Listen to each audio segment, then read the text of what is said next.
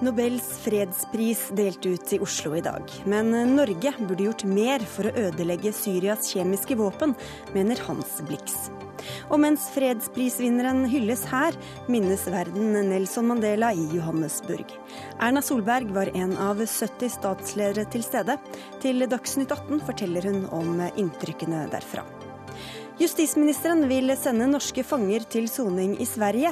Pinlig å sende problemene over grensa, sier kriminologi, kriminologiprofessor. Og regjeringa vil tillate Segway i sykkelfeltet, men syklistene er skeptiske. Det er det ingen grunn til. Sykler er farligere, svarer Frp.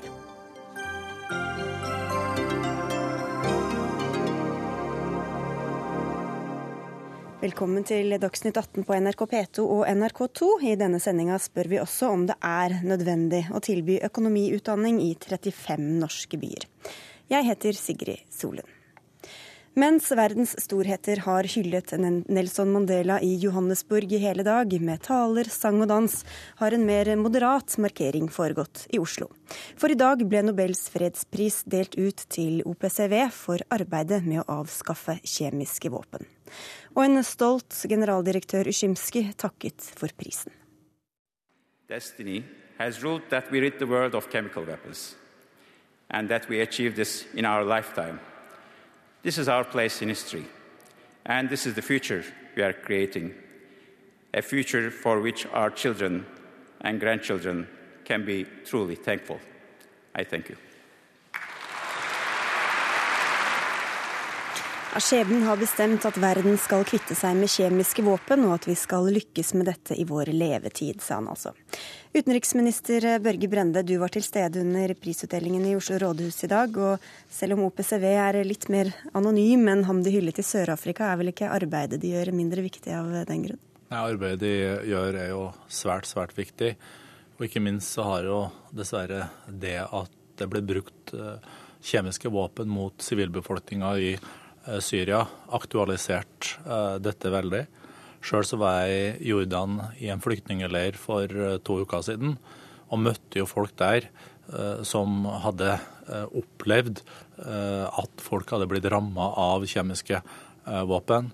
Og det er jo en av de verste måtene du da faktisk både kan dø på og bli ramma av kjemiske våpen. Sennepsgasser, nervegasser. Og det å få da et uh, totalutrydding av kjemiske våpen. Det er noe av det viktigste man også kan gjøre rent humanitært.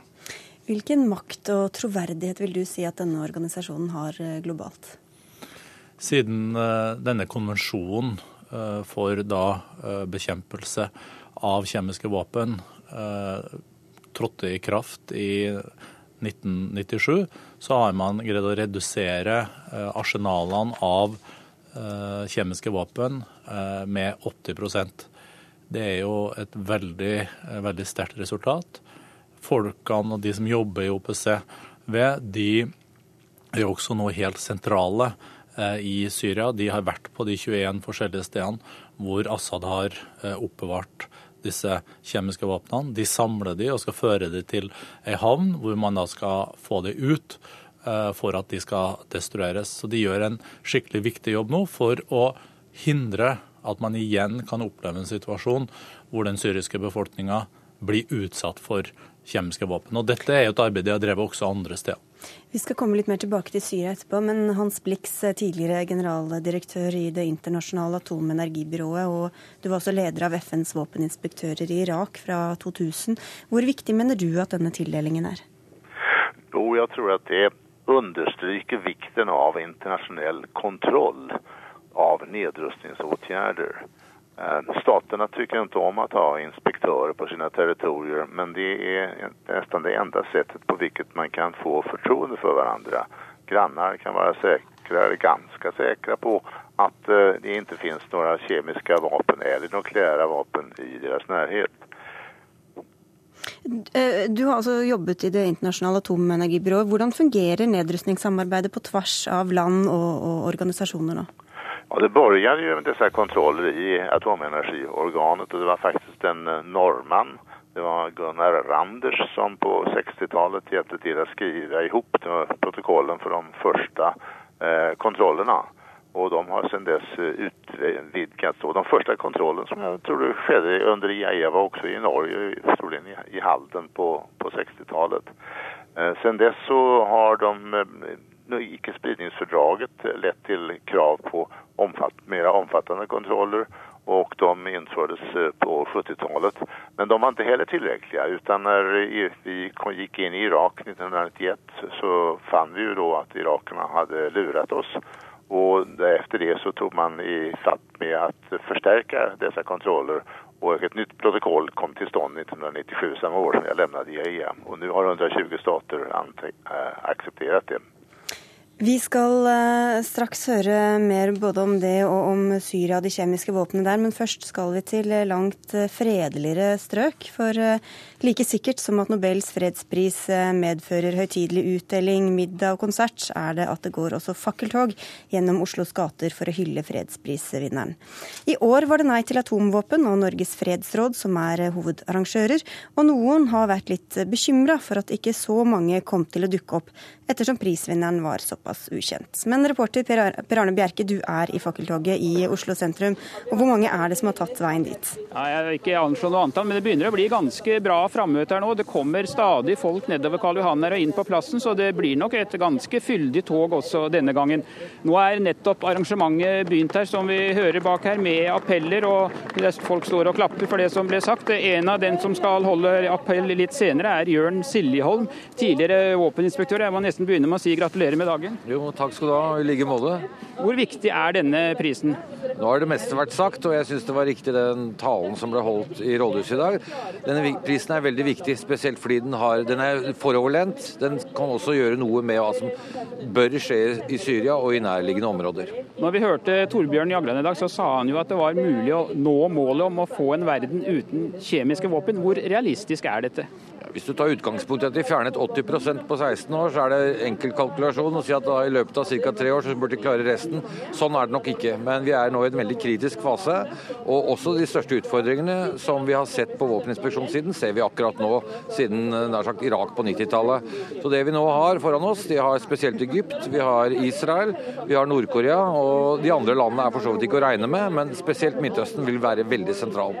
Og det er en smitteeffekt her. Syria har gjort denne prisen ekstra aktuell. Hva tenker du om situasjonen der? Vil man klare å få ødelagt våpenet innen tidsfristen? Ja, Nå har man gjort en kjempejobb så langt. Man står igjen med kjemikaliene. Alle leveringssystemene er borte, ødelagt. Det er sikkert ting vi ikke vet, som det var i gamle dager. Ting man ikke snakker så mye om. Men, sånn sett så har vi, men uansett så har vi nå kommet til den situasjonen at kjemikaliene er stort sett klar for transport ut av landet. Det er en suksess. Takk skal du ha, Jørn Siljeholm. Jeg skal ikke holde på deg lenger. Du skal få gå og holde appellen din. Og etterpå skal vi da gå gjennom Oslos gater i fakkeltog frem til Grang. Og mens vi går i fakkeltog og feirer Nobels fredspris, pågår det altså fortsatt en krig i Syria, som nevnt, som har vart i over 1000 dager. Ifølge FN er flere enn 100 000 syrere hittil drept i krigen, og millioner er drevet på flukt. Kjetil Selvik, som forsker ved Christian Michelsens institutt, er Syria ett av landene du har kompetanse på. Hvordan har fredsprisen til OPCW påvirket det som skjer inne i Syria nå? Um, altså jeg tror vi må tilgi at mange syrere nok ser på dette at det feires en fredspris i Norge for, eh, for kjemiske våpen med en, med en, viss kritisk distanse. Ehm, det er selvfølgelig veldig positivt at man har fått en avtale for nedrustning av ehm, kjemiske våpen i Syria, men noen fred har det jo ikke blitt av det. Eh, og, og faktisk så tror jeg sånn realpolitisk vi kan si at avtalen, sikkerhetsrådsresolusjonen, internasjonale avtaler, på mange måter har bidratt til å styrke Bashar al-Assads eh, strategiske posisjon. Og Det tenker jeg primært på tre eh, forhold. Det første og det mest nærliggende er selvfølgelig at det fjernet trussel om en internasjonal militær intervensjon som var prekær i september, men som også lenge har vært riset bak speilet som, det, som Bashar al-Assad og hans regime har måttet eh, gjemme seg for. Eh, for det andre så har det bidratt til å reetablere Bashar al-Assad som en internasjonal aktør, som også har implikasjoner for hvordan man ser for seg Syria i fremtiden. Eh, vestlige makter hadde lenge som premiss her at Bashar al-Assad hadde utspilt sin rolle og måtte gå av gjennom avtalen som han er bidrar til å implementere, så får han på en måte igjen en rolle. Og For det tredje så har det også skjøvet mer av det internasjonale presset over på opposisjonen i Syria, opprørsgruppene, for å demonstrere vilje til å søke politiske løsninger. Altså med andre ord at for, det, for det er selvfølgelig også langt fra en entydig at opposisjonen og opprørerne i Syria ønsker en politisk løsning, men regimet har på en måte i høst lykkes med å fokus, skyve mye mer fokus over til den siden, og fokusere på opposisjonen da som hinderet for en politisk løsning i Syria. Slik at, slik at eh, selv om en, en, en nedrustningsavtale selvfølgelig er helt klart til det beste for verdensfreden, så er ikke det noe automatikk i at det gjør det mye lettere å løse krisen i Syria. Og Hvordan er situasjonen på bakken eh, for, eh, for de som bor der? Situasjonen er jo helt forferdelig. Det er og en, en, en, forferdelig eh, humanitær katastrofe som selvfølgelig eh, blir ekstra mer prekær fordi vi nå går inn i vinteren. Og i tillegg til alle lidelsene som følger direkte av kamphandlingene, så, så har vi nå en, en, vinter i møte. Og ja, nei, det er vanskelig å sette ord på. Jeg tror uh, dette er en viktig påminnelse om at det er en humanitær katastrofe Eh, i Syria. Kanskje den verste flyktningekatastrofen vi har stått overfor etter andre verdenskrig. Og det verste av alt er at vi ikke får inn humanitær hjelp pga. borgerkrigen.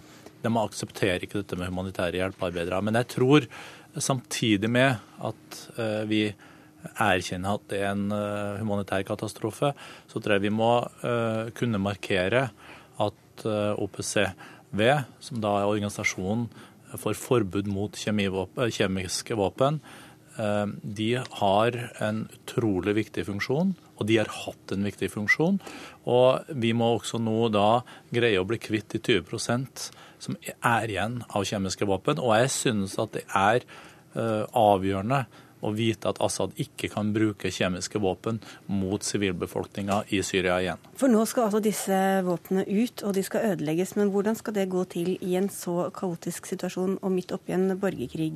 Bjørn Arne Johnsen, du er forskningssjef ved avdeling beskyttelse ved Forsvarets eh, forskningsinstitutt.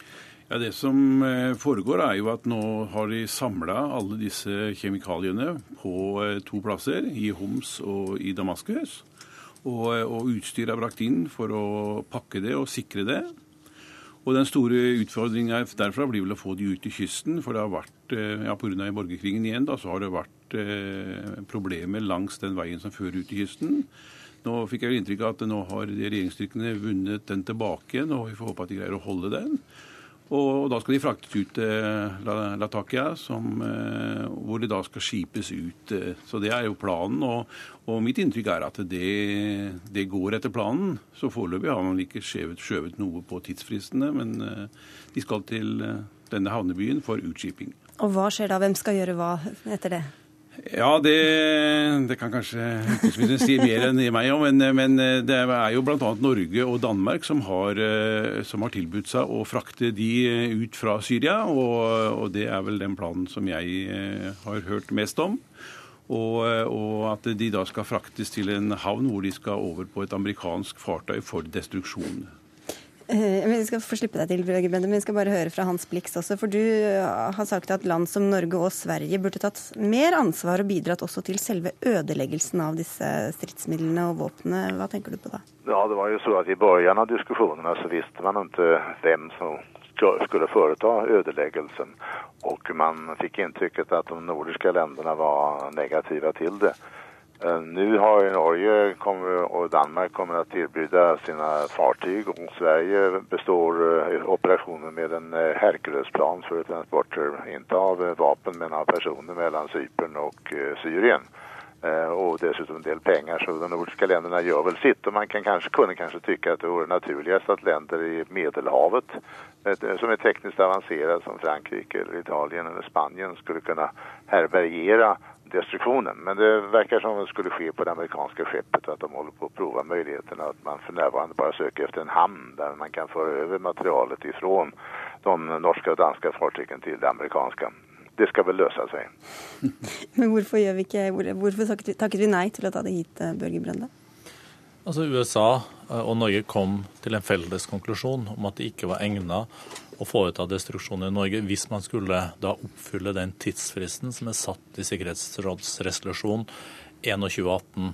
Da skal faktisk de kjemiske våpnene eh, destrueres innen utgangen av mars eh, til neste år.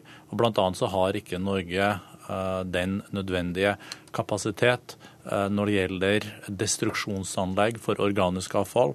Og alt dette, når det da først har vært gjennom en hydrolyse, ender opp som organisk avfall. Så det er mange tekniske årsaker til det. Så det vi ble enige med USA om, var at der Norge og Danmark mest hensiktsmessig kunne bidra for å holde de eh, korte og viktige tidsfristene, var at vi skulle stille opp med transportskip.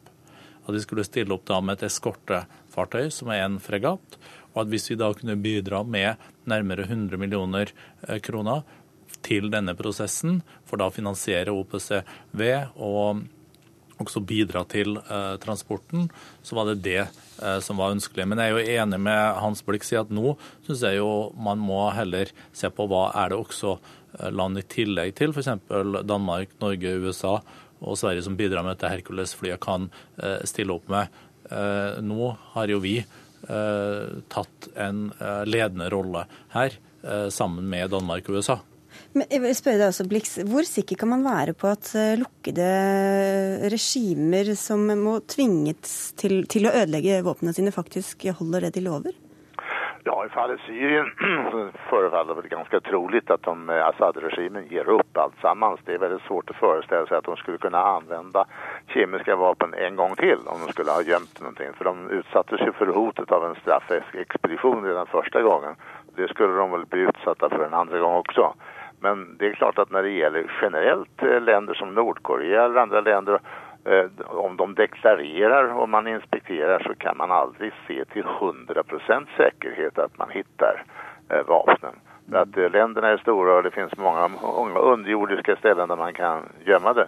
Men å andra sidan så är inte inspektionen enda vägen på vilken man utröner och frågar sig om det finns några vapen. Man har också spioner, man har satelliter och man har mycket andra medel. Så att inspektionerna är en viktig, mycket viktig väg och det är glädjande att världen har kommit till en större acceptans av den. Jag tror att vi kommer behöva internationella inspektioner kanske på andra områden också. Som eh, till exempel frågan om utsläpp av koldioxid eller övervakning av, av fiske. Det är alltså IAEA och OPCW är alltså inledningen till en, en stor, viktig internasjonell virksomhet. Trenger vi OPC videre, hvis, også hvis det går bra i Syria?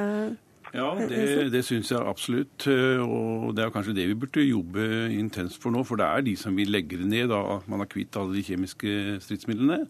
Men eh, det som er viktig å huske på, er at disse kjemikaliene de lages fra kjemikalier som er standardkjemikalier i, norsk, i all industri. Sånn at de har en, en, en, en to tosidig i bruk. Og, og, eh, det er jo kanskje det som er den største suksessen ved eh, Kjemivåpenkonvensjonen. At den er bygd på et eh, samarbeid med industrien og med, med vitenskapsfolk, slik at den har et, et grunnlag for for hva som er problemet. Og, og, og det som OPCW gjør, det er jo like mye kontroll av industrien rundt omkring i verden. Så de har jo på de 16 åra gjennomført eh, over 2500 inspeksjoner for å se at eh, de industrikjemikaliene som deklareres, de brukes til de formål som de, de er eh, tenkt på.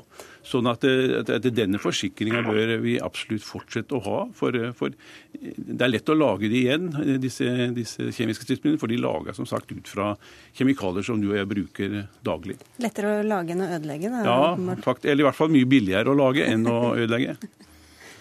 Det som er oppløftende, er at man i løpet av noen år kan utrydde og bli kvitt alle kjemiske våpen, dvs. Si masseødeleggelsesvåpen. Og Det kan jo være til inspirasjon også når det gjelder andre typer masseødeleggelsesvåpen. Og Vi vet jo at det er utrolig viktig nå at eh, da kjernevåpen ikke spres. Eh, Ikkespredningsavtalen er avgjørende. Men jeg syns også vi skal tenke på eh, det humanitære knytta til atomvåpen rent generelt. Fordi atomvåpen er faktisk et brudd på de humanitære prinsippene, på en måte at den kan ikke skille mellom det som er sivilbefolkning og det som er militære aktører. Så det er en stor symbolkraft også over at man da kanskje kan lykkes med i løpet av få år å utrydde kjemiske våpen totalt. Hans Blix, eh, som du var inne på også e-, etter at eh, de kjemiske våpnene er ute av eh, Syria. Hva, hva så med de konvensjonelle våpnene der? Altså, hva, hva, hjelper det på situasjonen? Ja, det inte, har man ikke kommet særlig langt med. Men eh, nyligen så slöts dock en konvention i New York som heter Armed Trade Treaty. Og i den har man kommet overens om at alle länder skal ha en exportkontroll och att man inte ska acceptera någon export av eh, konventionella vapen utan att licens sker. Eh, men eh, den konventionen lär inte gå igenom den amerikanska senaten. Det är dock ett steg framåt ju, det kanske tar lång tid innan man får anslutning till den. Men det är klart att det är önskvärt att man hindrar en sån export. Men man ska komma ihåg en annan sak när det gäller kärnvapen som nämndes här att vi har ju inte alls kommit lika långt när det gäller kärnvapen som när det gäller kemiska eller de biologiska vapnen. Eh, för det första så finns det inte något förbud mot användning av kärnvapen i konventioner. Internationella domstolen har sagt att i de flesta fall skulle det vara olagligt men det finns inte något förbud mot det. Och eh, det accepteras inte heller något förbud av de fem kärnvapenmakterna. För det andra så är ju inte kärnvapenmakterna förbjudna att, att inneha kärnvapen medan i kemvapenkonventionen så har de alla åtagit sig att göra av med sina kemiska vapen. Det finns också över 20 000 kärnvapen i världen. Det är alltså mycket lång väg att gå när det gjelder kärnvapen.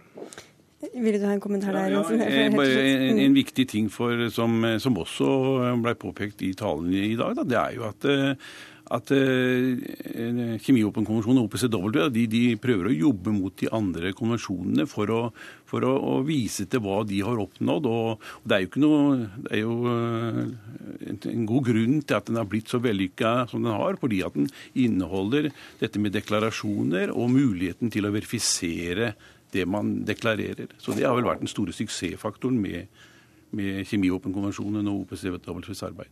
Jeg skal bare spørre deg helt til slutt her, eh, Selvik. For når de da lykkes med å få disse våpnene ut, hva, hvordan vurderer du mulighetene for at krigen også kan få en politisk løsning etter hvert? Nei, den Sikkerhetsresolusjonen fra september for fjerning av kjemiske våpen i Syria den refererer jo også til eh, altså Den understreker behovet for å samle en internasjonal fredskonferanse så snart som mulig. Eh, det, det, har blitt eh, forskjøvet på flere ganger. Nå er det siste vi hører, er at de har blitt enige om en dato 22.1. For da er det slik at partene her mer eller mindre må drives til forhandlingsbordet. For verken regimet eller opposisjonen har, altså anerkjenner egentlig motparten som en, en, en legitim spiller overhodet. Så da er det veldig viktig at det internasjonale samfunn eh, presser på og trykker på for at man kan få en våpenhvile. At man kan få tilgang på humanitær assistanse, sånn at man kan få bevegelse også på det politiske sporet. Forsker Kjetil Selvik, takk skal du ha for at du var med i Dagsnytt 18. Takk også til eh, utenriksminister eh, Børge Brende, som allerede har forlatt studio mot eh, neste middag. Og til deg, Bjørn Arne Johnsen fra Forsvarets forskningsinstitutt, og til Hans Blix med fra Sverige.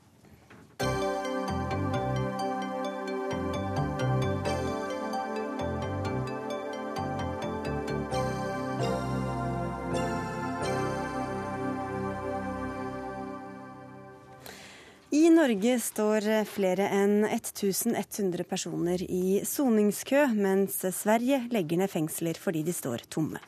For å redusere køene har regjeringa tatt kontakt med svenske myndigheter for å se på muligheten for å leie soningsplasser. Nils Kristi, professor emeritus ved Institutt for kriminologi og rettsvitenskap ved Universitetet i Oslo. Hva synes du om denne løsningen på problemet? Jeg syns det er en sørgelig løsning.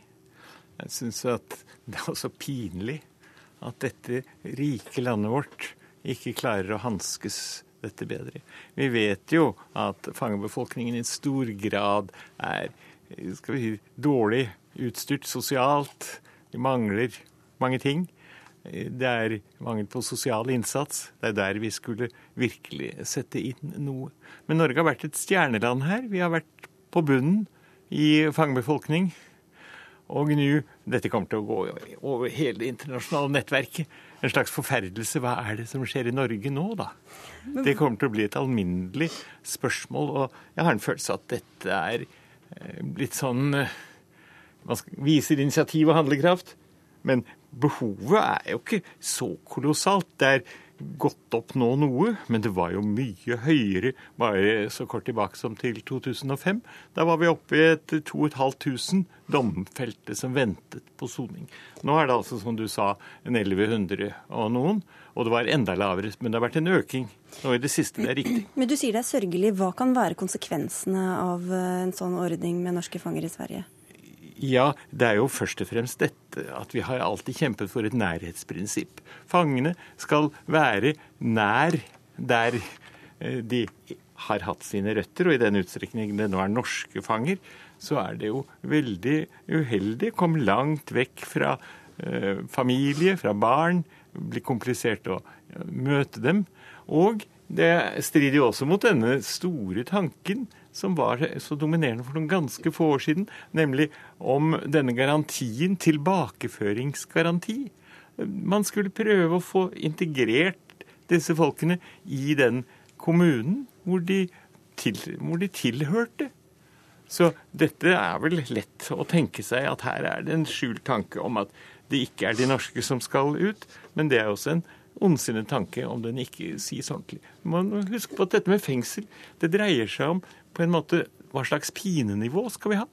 Fengsel, det er tilsiktet ondepåførelse. Så får vi prøve å gjøre det så hyggelig som mulig, da.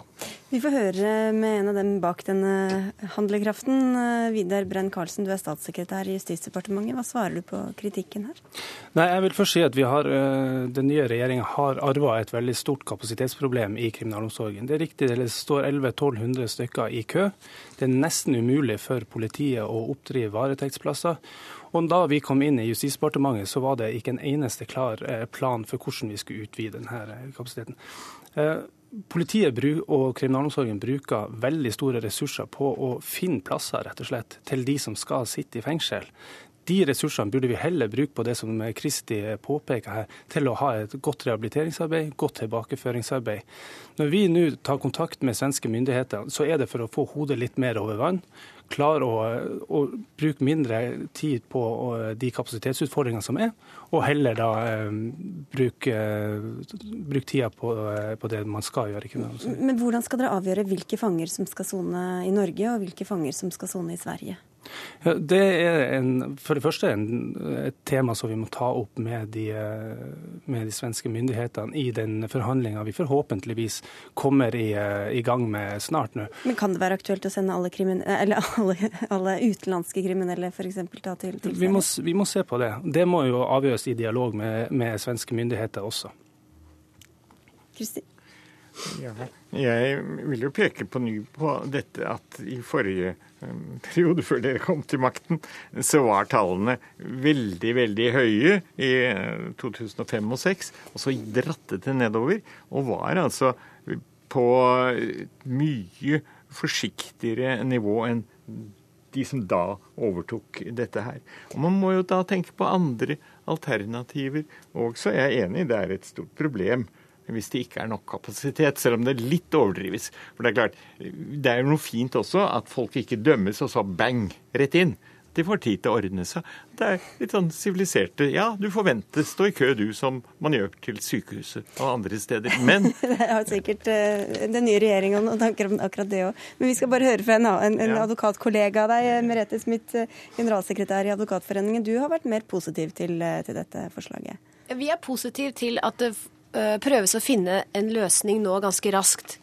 Eh, og det, vårt fokus har særlig vært at eh, vi ser at e, et av resultatene av fengselskøen, det er at mange blir sittende for lenge på glattcelle. Og glattcelle er Det er tungt å sitte på glattcelle. Og det er en maksgrense på to dager for å sitte på glattcelle. Denne maksgrensen brytes hver dag. Det har vi fått kritikk for i mange år. Vi har fått kritikk for av internasjonale eh, organer og fra tortur, FNs torturkomité og Europarådets torturkomité. Så det er en helt akutt situasjon som det er viktig at det gjøres noe med. Og I den sammenheng så er vi glad for at det prøves å finnes en løsning på det. Men samtidig så sier vi at det er viktig eh, at soningsforholdene ikke blir dårligere enn de er i dag. Og dette med avstand fra lokalmiljø og hjemmestedet er selvfølgelig også et viktig poeng. Mm. Men samtidig så vil vi si at på lang sikt så er det helt klart at det, de momentene Nils Kristi påpeker, er vi helt enig i. Og dette burde jo være noe som vi kunne løse på egen hånd. Mm. Ja, til det Smith sier, altså, Det påpekes, eh, påpekes, et veldig stort dilemma for politiet og kriminalomsorgen Eh, i forhold til det med bruk av glattcelle. Altså, vi ønsker også å unngå at den fristen på 48 timer oversittes. Og, og, eh, Det er jo derfor at det er en av grunnene til at det er veldig viktig å få opp kapasiteten nå, sånn at vi i større grad klarer å tilby politiet de varetektsplassene eh, som de trenger. Men det, Vi skal huske på det at motstykket til at vi at, um, noen blir satt eh, i, varetekt fra, fra politiarrest, er jo at de blir sluppet fri hvis det ikke finnes en eneste plass. Og Det er ikke en heldig løsning heller. Så vil jeg si til, til Kristi også, altså det, det, at køen var lengre før, det gjør ikke den køen som vi har nå, mer akseptabel. Den må vi få gjort noe med, og det er flere grunner til det. Bl.a. den ressursbruken som er i kriminalomsorgen, og, og ikke minst det med at, at uh, det er stridende mot rettsfølelsen til vanlige folk å se at folk står i kø. En rask reaksjon har den beste beste preventive effekten. Ja, men... men så, ja, Unnskyld, jeg skal bare stille an et oppfølgingsspørsmål fra deg i stad også. Altså, dette med at man da skal faktisk føres tilbake til samfunnet, og så skal man gjøre det når man er i en eller annen fremmed by i Sverige. Hvordan skal det skje? Jo, Det, det er en av de utfordringene vi må se på. I tillegg til det som ble nevnt her både fra Smith og, og Kristi om, om eh, nærheten til, uh, til, familien, de som skal eh, eventuelt besøke innsatte. Det, det er sånne problemstillinger vi må finne løsninger på. Men eh, det går jo selvfølgelig også an å se for seg en tilbakeføring, altså hvor man eh, sitter inne i, i Sverige en stund og så eh, har en, en, en annen type soningsform i Norge mot slutten av soninga, sånn som er vanlig fra lukka fengsel også. Men jeg vil samtidig understreke at det at det nå er fullt i fengslene, kan ikke komme overraskende på politikerne. For et par år siden så ble straffene for mange typer eh, kriminalitet øket betraktelig. Det betyr jo at folk sitter lenger i fengsel. Eh, og når folk sitter lenger i fengsel, da trenger man flere fengselsplasser. Dette har politikerne helt oversett. De har bare ropt på strengere straffer, strengere straffer, og på en måte ikke erkjent at de har gitt lover med strengere straffer, og så har de ikke lagt forholdene til rette for å håndtere denne problemstillingen. Jeg er helt enig i det du sier der. Og dette er jo så ironisk at i Sverige har man faktisk gått den motsatte vei. Domstolene har forsiktig senket straffenivået. Jeg snakket med min svenske kollega nærmeste sådan eh, nettopp i ettermiddag om dette. For det er jo så forunderlig at Sverige har klart nå å få tømme sine fengsler. Og det vekker veldig oppsikt i internasjonale diskusjoner om dette, at de har klart det. Og i denne perioden så går det altså jevnt oppover eh, hos oss. Det er, eh, det er et spørsmål om å se hva vi gjør, se hva vi er. Og så må vi også ta litt hensyn til grunnleggende andre verdier enn dette at man kunne bli irritert over at en lovbryter ikke fort kommer inn i fengsel. Vi må jo se på helt grunnleggende ting. Hva slags samfunn vil vi ha da? Vi er jo vant til å tenke på oss selv som et eh, humanitært, nokså snilt samfunn. Og det er fryktelig viktig å beholde den grunntonen i Norge, og ikke bli et sånt kjekt land som skal gjøre opp med lovbryterne, og med fangetall som da eh, er helt abnorme efter verdistandardene vi har i vårt land. Så dette er konsekvenser av deres egen politikk, da? Eh, jeg vil bare si at vi, vi, eh, vi, ønsker i hvert fall ikke å være et samfunn som, som, eh, lar være å straffe de kriminelle. Vi hører det her Dere har vært blant dem som, øker, som roper på økte ja, okay, og Hvis jeg skal svare på det til, fra Smith, altså det Selvfølgelig hadde ikke vært noe overraskende at vi, når et samstemt storting øker straffene, så trengte vi også flere straffegjennomføringsplasser. Og som sagt, den forrige regjeringa satt og så på den utviklinga uten å gjøre noe med det, det problemet. Og ja, jeg, syns vi, vi, vi, vi, jeg syns Kristi starta litt i feil ende og snakka om at vi øker fangebefolkninga. Altså, straff er en reaksjon på en uakseptabel handling fra, fra samfunnet. Og, og, vi som justismyndigheter har et ansvar for å stille den nødvendige kapasiteten tilgjengelig når eh, den reaksjonen skal gjennomføres. Så, og det er det vi tar på alvor nå. Hel, ja, kommentar helt til slutt, Nils Ja, den forrige regjering, og Storberget spesielt, gjorde jo veldig meget for å få ned soningskøene. De, han gikk ned fra 2500 til liggende på 900 og på 700-tallet. Og så er det nå vært en viss økning. Han Nei. bygde nesten ikke fengselsplasser. Nei, og det var da bra. For vi må klare dette på en annen måte, og på en human måte som tilsvarer eh, skal vi si, det helt grunnleggende verdier i samfunnet. Pin så lite som mulig. Da fikk vi også et lite forsvar for Arbeiderpartiet på slutten her, Arbeiderpartiets fravær. Men takk skal dere ha for at dere kom eh, til Dagsnytt 18. Nils Kristi, Merete Smith eh, og Vidar Brein Karlsen.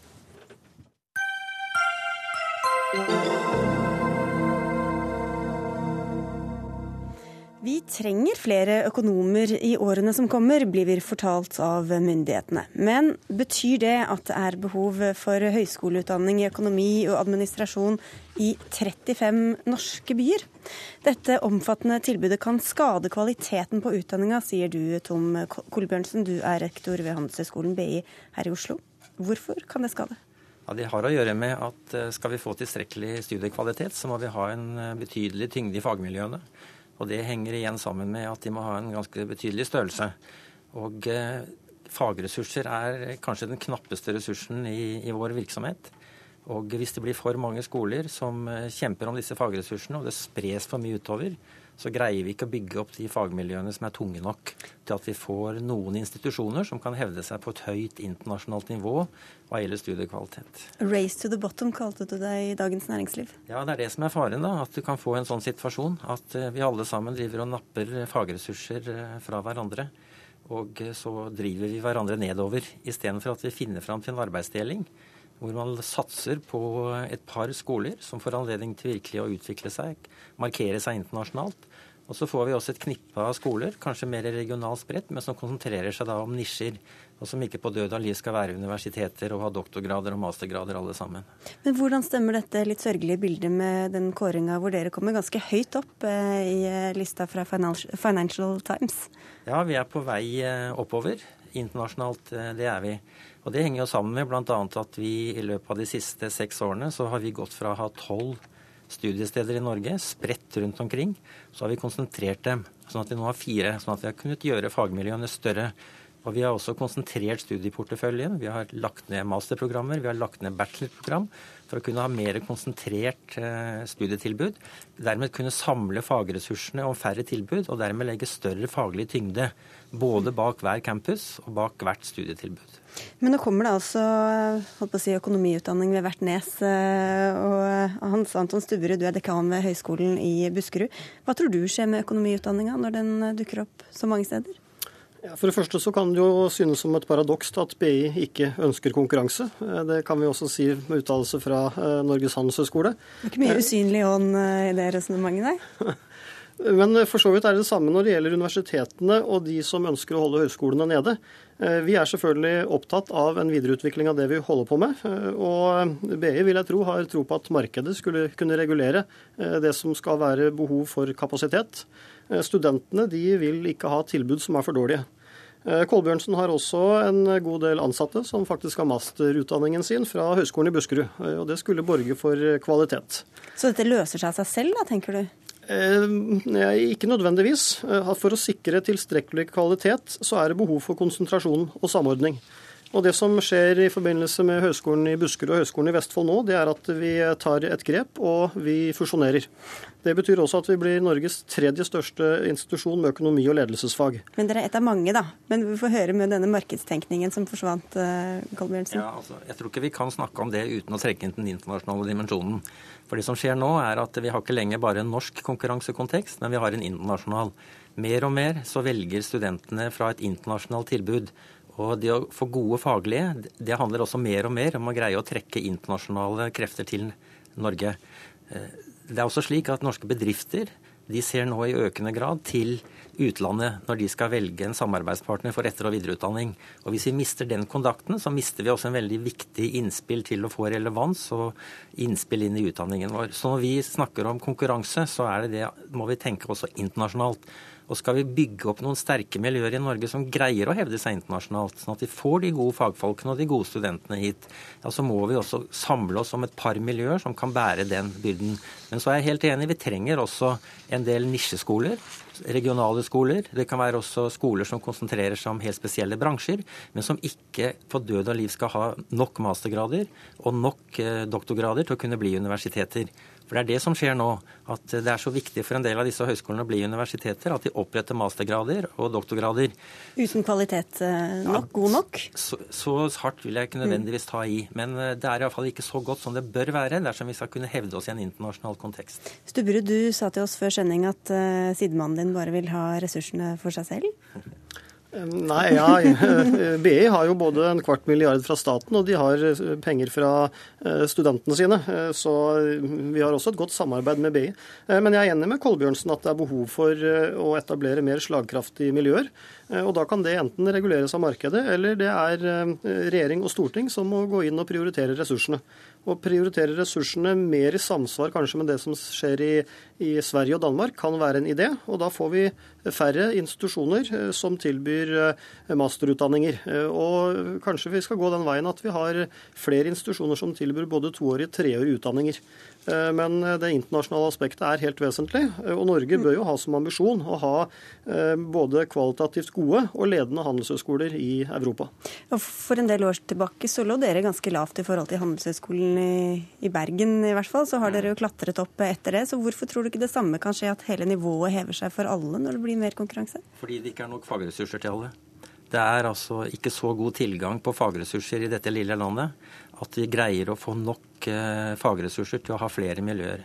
Jeg har et scenario om at på, på sikt så vil det vokse fram eh, en todeling i Norge. Du vil få to sterke institusjoner som er på vei oppover nå. Det er BI og Norges handelshøyskole. Og så vil du få en rekke skoler som er mer nisjeorienterte. Og som gjør en utmerket jobb i de lokale stedene de er. Og som sikkert også gjør en utmerket jobb i forhold til det lokale næringslivet, som ofte er litt avgrenset bransjemessig men som allikevel ikke da bør ta sikte på å konkurrere ved å skulle på død og liv bli universiteter. For det er, da, det er da vi får dette strekk i ressursene som gjør at ikke vi får konkurransedyktige miljøer i Norge. Og det er vel inne i en litt større diskusjon eh, med det. Men eh, du, du, tar sikte på å utdanne gode nok folk til at de kan få jobb på, hos eh, Kolbjørnsen seinere? Det gjør vi. Og BI og Handelshøyskolen de vil absolutt være sentrale institusjoner. Men det er også behov for en handelshøyskole på Østlandet i statlig regi, og der er vi redde til å gjøre en jobb. Takk skal dere ha for at dere kom til Dagsnytt 18, Tom Kolbjørnsen fra Handelshøyskolen BI og Hans Anton Stubberud, dekan ved Fakultet for økonomi og samfunnsvitenskap ved Høgskolen i Buskerud.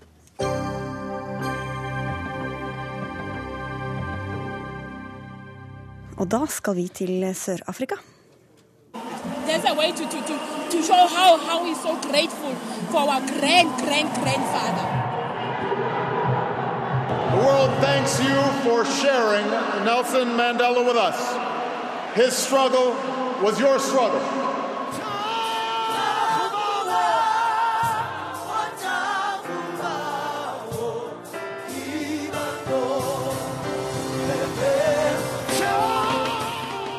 På en fotballstadion i Nelson Mandelas nabolag Soveto i Johannesburg ble det holdt en minnemarkering for Sør-Afrikas store sønn som døde i forrige uke. 70 statsledere fra hele verden kom i ens ærend for å delta på markeringa, blant andre deg, statsminister Erna Solberg. Hvordan var det å være til stede? Det var jo selvfølgelig en stor opplevelse. Jeg tror kanskje at eh, dere så vel så godt eh, som så på TV som det vi gjorde som var på stadion, men dere mistet unna denne voldsomme opplevelsen av eh, publikum, eh, gjestene og eh, stemningen som var der. Og den var, den var flott, til tross for et regnvær som selv en bergenser kunne holdt seg hjemme av. Vi har jo, som du sier, altså sett og hørt sang og dans og hyllest gjennom hele dagen. Litt sånn uvant minnesmarkering for en nordmann å delta på, kanskje? Ja, uvant. Litt kjent var det òg. Det ble noen lange og mange taler, men noen veldig gode taler òg. Og det viste jo Eh, bredden i det som ble sagt, og bredden i representasjonen viste jo også at Mandela var et politisk idol for eh, eh, ikke bare Sør-Afrika, men for hele verden. Hva var det som gjorde mest inntrykk på deg i løpet av dagen? Altså, Ved siden av den stemningen, entusiasmen og gleden som folk viste, til tross for sorgen, så var det selvfølgelig Obama sin tale. eh, fordi han er en fantastisk god taler, og fordi han eh, klarte ganske enkelt å, å beskrive og vise bilder av mannen eh, Nelson Mandela, de verdiene han sto for, eh, utfordringene hans ettermæle gir til oss andre som er politikere, om å se fremover, eh, legge til side eh, ulike forskjeller, rase, religion og annet, for å eh, bekjempe fattigdom, for å sørge for at eh, verden går videre. Hvor- Hvorfor var det viktig for deg å delta på markeringen i dag? Du har jo flydd opp og ned på ganske kort tid. Det er jo fordi at eh, det, Norge har hatt et spesielt forhold til eh, ANC, til anti-apartheidsarbeidet. Sammen med andre skandinaviske land så var det eh, masse norske NGO-er, fagbevegelse, frivillige organisasjoner av ulik type, ikke minst det kirkelige samfunn. Men også det politiske livet i Norge, uavhengig av regjeringer, stilte opp og arbeidet mot apartheid. Eh, Her er jo et land hvor eh, kanskje norsk diplomati har gjort mange udiplomatiske handlinger, nettopp for å bidra til den forandringen som eh, etter hvert skjedde i Sør-Afrika. Og da er vi over litt mer på deg som eh, statsminister og litt mindre som reporter, så å si. For eh, sent i går kveld ble det kjent at kongolesiske myndigheter har tiltalt eh, Joshua French for drap på Kjostolf Moland. Og under Mandela-seremonien i dag tok du altså kontakt med Kongos president Josef Kaliba, Kabila for å ta saken opp med ham. Og hva sa du da? Først og fremst tok jeg det opp med ham fordi vi har opplevd vanskeligheter med å få kontakt med kongolesiske myndigheter. Jeg syns derfor når jeg var på et sted hvor han var til stede, eh, så var det et poeng å forsøke både å finne han eh, og eh, få snakket med han. Og uttrykket uttrykke vårt ønske om at det Jens Stoltenberg og han ble enige om i september, nemlig at utenriksministrene fra Norge og Kongo burde sette seg ned og snakke om denne saken, at det faktisk kan bli en realitet. Så langt har det ikke vært mulig å få det til. Og vi har følt behov for å forsterke eh, dette ønsket. Og eh, han husket godt samtalen med Jens Stoltenberg den gangen, og var opptatt av at eh, vi fikk til et sånt møte. Eh, han mener jo at dette er en vanskelig sak for Kongo, eh, med stor medieoppmerksomhet der, på samme måte som det er stor medieoppmerksomhet her. Eh, men viljen til å, å gå videre med samtaler var i alle fall til stede, sånn som han uttrykte det. Hvordan reagerte han på at du benyttet anledningen til å ta dette opp med ham? Eh, Jeg tror han var litt overrasket over at jeg henvendte meg til han når jeg presenterte meg som Norges eh, nye statsminister. Så tror jeg han skjønte hva som kom. Fordi jeg tror han forsto med en gang når jeg sa vi har en sak vi gjerne burde drøfte litt. Så, eh, så skjønte han hva det var. Så han var nok klar over saken uten at han nødvendigvis var forberedt på at den ville bli tatt opp med han eh, her. Og hva skjer videre nå, både med tanke på hans eh, rettssikkerhet der nede, og eventuelt det å prøve å få, få hentet ham hjem til Norge? Nei, Altså Nå jobber jo Utenriksdepartementet på spreng med dette sammen med britisk utenriksdepartement. Joshua French har dobbelt statsborgerskap, og vi har et tett samarbeid med britene om det arbeidet som skjer for å gjøre, altså for å følge opp, og aller helst få Joshua French eh, raskt hjem til Norge. Eh, Vi mener jo at Kripos sin rapport var helt entydig. Det var ikke snakk om at eh, Joshua French hadde kunnet bidra til noe, eh, noe i forbindelse med, med dødsfallet. Og dermed så eh, føler jo vi at, eh, at vi har en god grunn til å si at denne saken bør iallfall ikke forlenge oppholdet. Vi bør få han raskest mulig tilbake. Men det trengs nok en politisk gjennomskjæring på en eller annen måte. Og da er det å få kontakt med kongolesiske myndigheter, få snakket med dem eh, og forsøke å finne frem til en løsning det viktigste vi får til. Og da gjelder det å utnytte anledningen. Takk skal du ha, Erna Solberg, og god tur hjem til Norge. Takk skal du ha.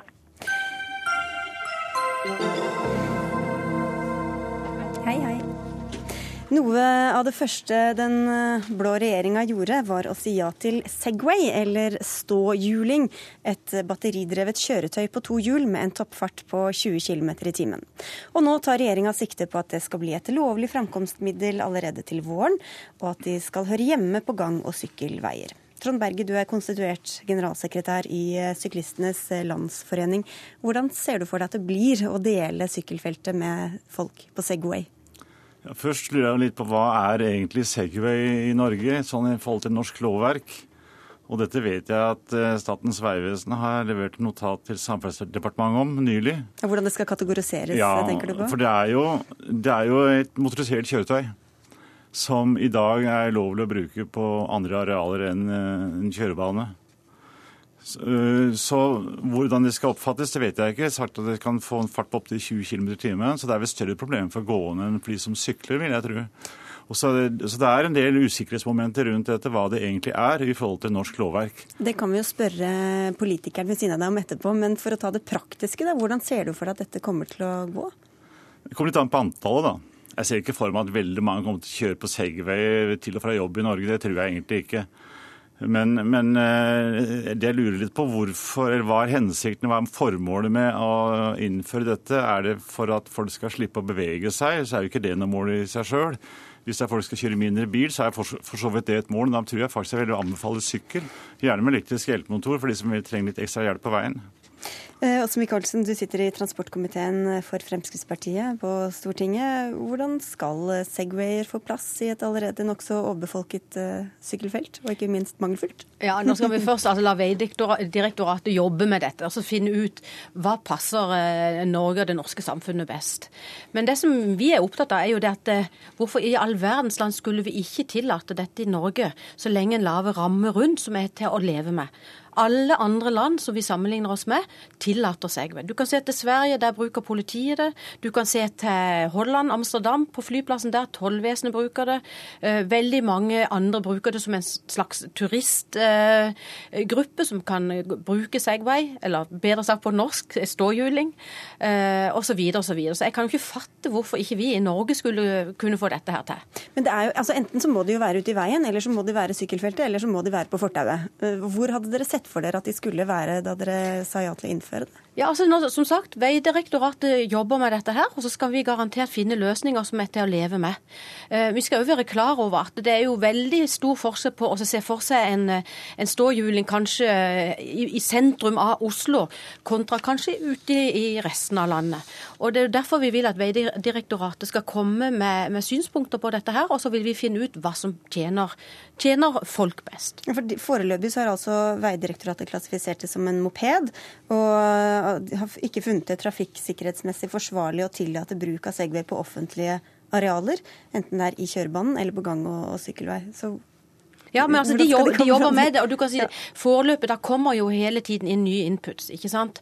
Og En skal jo være voldsomt eh, negativ hvis en ikke ser det. Hva, hva, er det som gjør at vi nordmenn ikke skulle kunne kjøre eh, denne ståhjulingen når alle andre kan? Hva er det som er så vanskelig i Norge når vi kan få det til andre steder? Og så er jeg jo helt overbevist om at eh, det vil ikke bli så voldsomt stor mengde av disse på veien. Dette er jo en kostbart, eh, hvis jeg kan kalle det fartøy, da. Det ligger jo i en pris per i dag på et sted mellom 50 og 70 000. Så dette er ikke sånn som uh, uten videre enhver person går og skaffer seg. Og så vil jeg jo også si det i forhold til trafikksikkerhet. Det er klart, Jeg kan jo ikke tenke meg noe som er mer utfordrende og trafikkfarlig enn en sånn typisk 45-åring i uh, full fart på sykkelen sin, uh, som trener til Birken, for å sette litt på spissen. Altså, Da kan du snakke om at det kan skje store ulykker. Er dere langt farligere selv, altså, Berge? Jeg mener jo at uh, vi må få trafikkbilder som gjør at folk flest syns det er moro og at de tør å sykle. Og det er et problem som faktisk vi sliter med i Norge. I Oslo så har en NAF-undersøkelse som viser at ni av ti bilister syns det er for farlig å sykle at de tør å sykle i kjørebanen. Og da hjelper det ikke med en Segway? Da tror jeg ikke det hjelper å innføre et, et transportmiddel som folk oppfatter kan være en trussel for dem. Men eh, jeg er helt enig, vi må vente og se hva en utredning fører til. Og en konsekvensanalyse for dette vil jo kreve en forskriftsendring, noen sier også lovendring, som krever en skikkelig høringsuttalelse. Men kanskje kanskje største bekymring som man har i utlandet, vet jeg, og det er ikke sånn at det er tillatt overalt. I England er det strengt forbudt å kjøre med Segway unntatt på private areal. Og han som engelskmann som nylig kjøpte hele firmaet, han ble jo drept nylig når han kjørte utfor en stein, en skrent, med på sin Segway. Så ufarlig er det ikke, og det er ganske mange ulykker knytta til det, og særlig også alvorlige skader. Så det er viktig da også å finne ut hva for det vil dette føre til. Og hvis det fører til at folk f.eks. ikke tør å sykle i et land hvor vi ønsker at antall syklister skal dobles, og da snakker vi om mennesker som i dag ikke sykler, og de skal tørre å komme ut på veien, Hvis de da skal møte farkoster som virker skremmende, så tror jeg ikke det er den rette medisin. Men jeg er helt enig. Vi må se hva en utredning fører til, og så fatte beslutninger på bakgrunn av det. Men dette, ja, dette folkehelseaspektet, Michaelsen? Ja, altså, det, altså, Vi er jo opptatt av syklernes ve og vel, syklistene i dag. Vi har jo nå senest vedtatt et budsjett hvor vi faktisk bevilga 1 million til Syklistenes Landsforbund, vi bevilga 2,5 million til Trygg Trafikk og 220 millioner til trafikksikkerhetstiltak. Deriblant bygging av sykkelveier, stier osv. Så, vi tar jo dette på alvor og spiller jo på lag med alle som er ute i trafikken. Hvorfor, hvorfor vil dere ikke heller legge opp til mer opp til sykling, som jo tross alt er bra for Jo, vi legger opp til mer sykling. Vi men, gjør jo det, det er jo det som jeg just påpekte, det gjør vi jo. Men det betyr jo ikke at den, nei, for det betyr jo ikke at en skal utelukke uten videre og bare satse på én gruppe. Vi mener det er plass til både òg. Og så er det jo sånn jeg har faktisk prøvd eh, en ståhjuling. Og eh, dette at du kan faktisk stille den inn i tre forskjellige tempo, det er jo ikke sånn at alle kjører rundt i, i maks 20 km i timen. Stort sett så går dette pyntelig og greit for seg. Og så må vi jo se på krav både med hjelm og aldersgrenser osv. Men det kommer vi tilbake lenger, til. det får vi nå se på. Jeg tror det blir bra uansett. Jeg skal bare spørre deg helt til slutt. Hva hvis Veidirektoratet ikke finner noen arena som de passer inn på? Da må dere trekke dem tilbake? De kommer til å finne en, en arena som dette passer på, uten tvil. Ok, Takk skal dere ha for at dere kom til eh, Dagsnytt 18. Så får vi vente og se hvor disse Segwayene eventuelt ender opp, og kanskje ha en ny debatt da. Åse Michaelsen fra Fremskrittspartiet og Trond Berger fra Syklistenes Landsforening, takk for at dere kom.